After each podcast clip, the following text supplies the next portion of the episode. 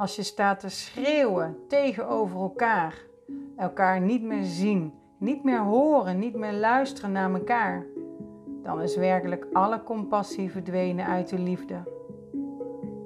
Breng de compassie weer terug en zie elkaar met alles wat er is.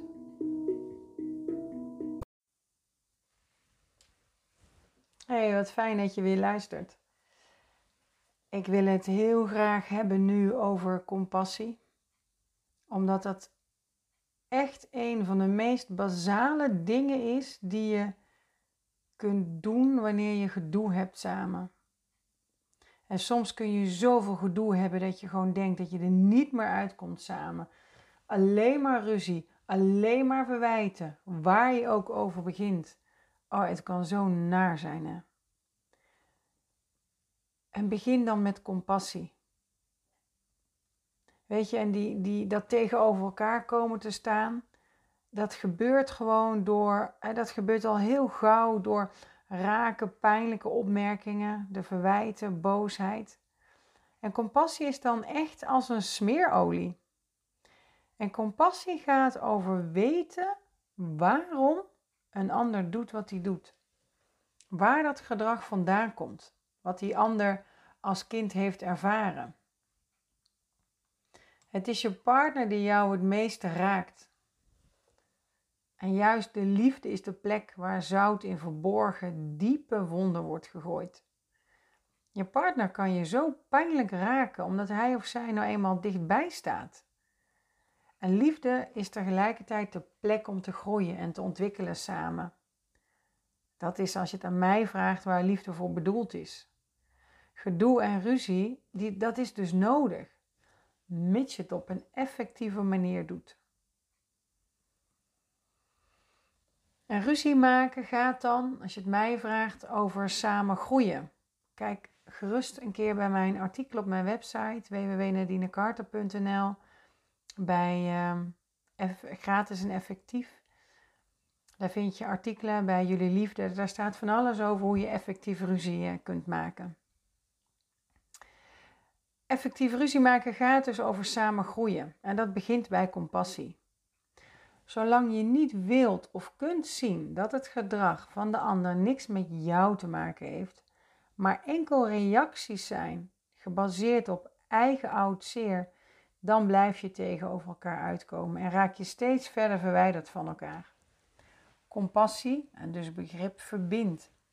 Weten waarom een ander doet wat diegene doet, in welke pijn hij of zij geraakt wordt, dat betekent dat je de persoon achter, gedrag, achter het gedrag wilt zien en wilt leren kennen. En die uitnodiging die verzacht. Het betekent ook dat je naar jezelf mag gaan kijken achter jouw gedrag. En je kan niet, dat gaat altijd over en weer. Dit gaat over elkaar echt leren kennen. Ja, dat gaat niet over iemand zijn koffie drinkt of wat diegene graag doet op vakantie. Dit gaat over hoe iemands leven is gelopen. Welke keuzes van daaruit gemaakt zijn.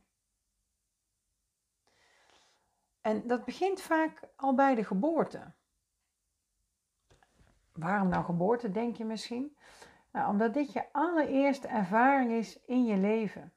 En wanneer die traumatisch is verlopen, en dat gebeurt bij een geboorte al gauw, hè? Wil denken aan klem zitten, navelstreng om je keel. Uh, dan heeft dat een hele grote impact. En daar ontwikkel je ook de meest hardnekkige patronen. Dus ook het gedrag waarmee je de ander zo kunt raken. En die patronen, die, weet je, je hoeft maar iets te doen en een ander wordt getriggerd en die zet dus die patronen in. En als je dus weet waar die patronen vandaan komen, um, dus als je al iemand anders gaat, als je anders gaat zien, dan ga je ook al een beetje anders handelen. En compassie weerlegt je perspectief. Compassie verandert de ja en jij ook altijd. En schiet nou toch eens een keer op naar bijvoorbeeld: hé, hey, wat kan ik hierin voor je doen?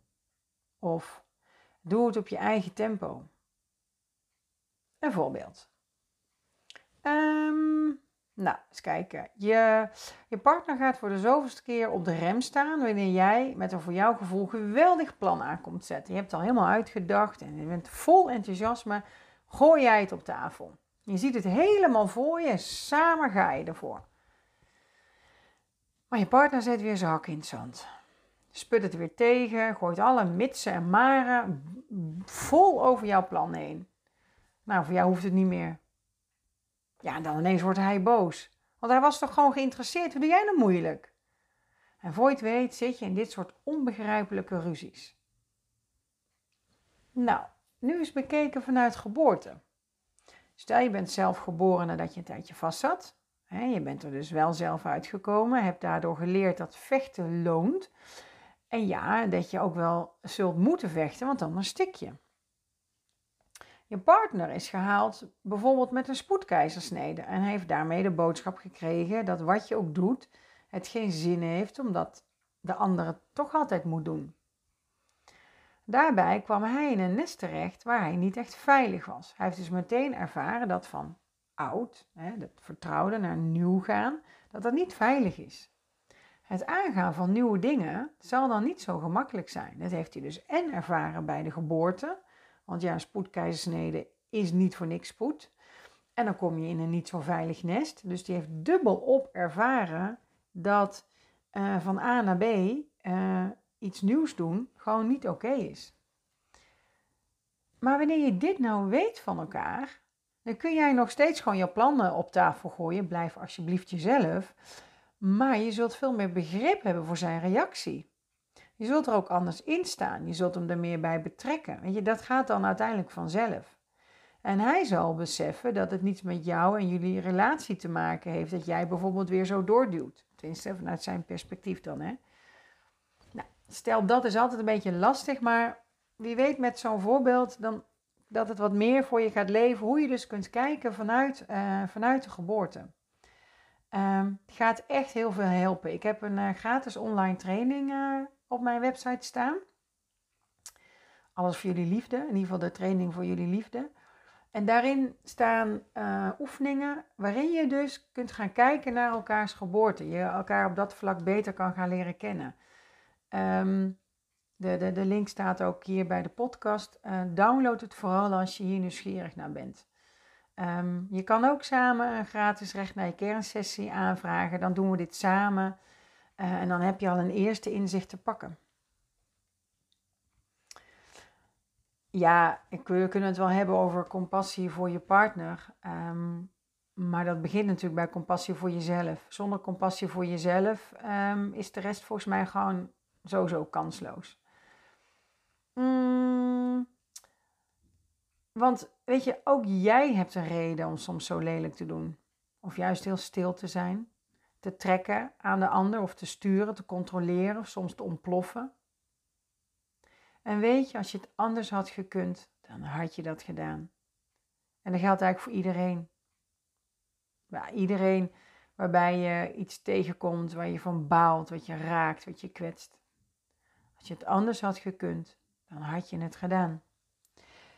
En natuurlijk is dat geen vrijbrief om maar te blijven doen hè, wat je doet, je te verschuilen achter die redenen. Weet je, als je dat doet, dan kom je uiteindelijk in een slachtofferrol terecht.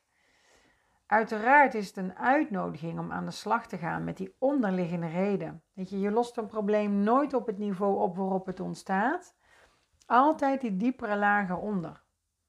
En juist op dit niveau aan de slag gaan met jullie liefde, uh, met jezelf samen. Dat haalt al het gedoe tussen jullie uit, brengt jullie dichter bij elkaar.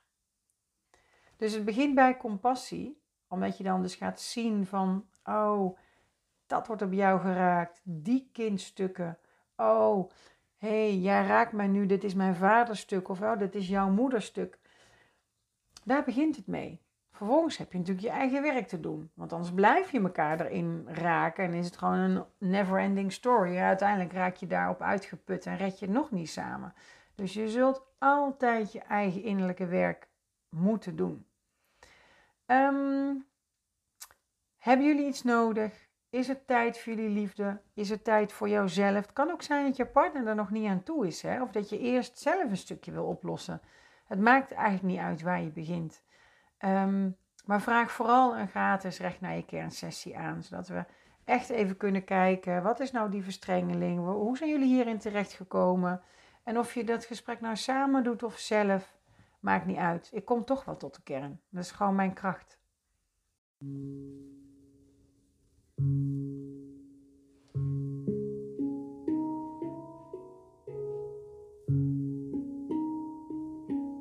Liefde doe je met z'n tweeën, maar het begint alleen bij jou.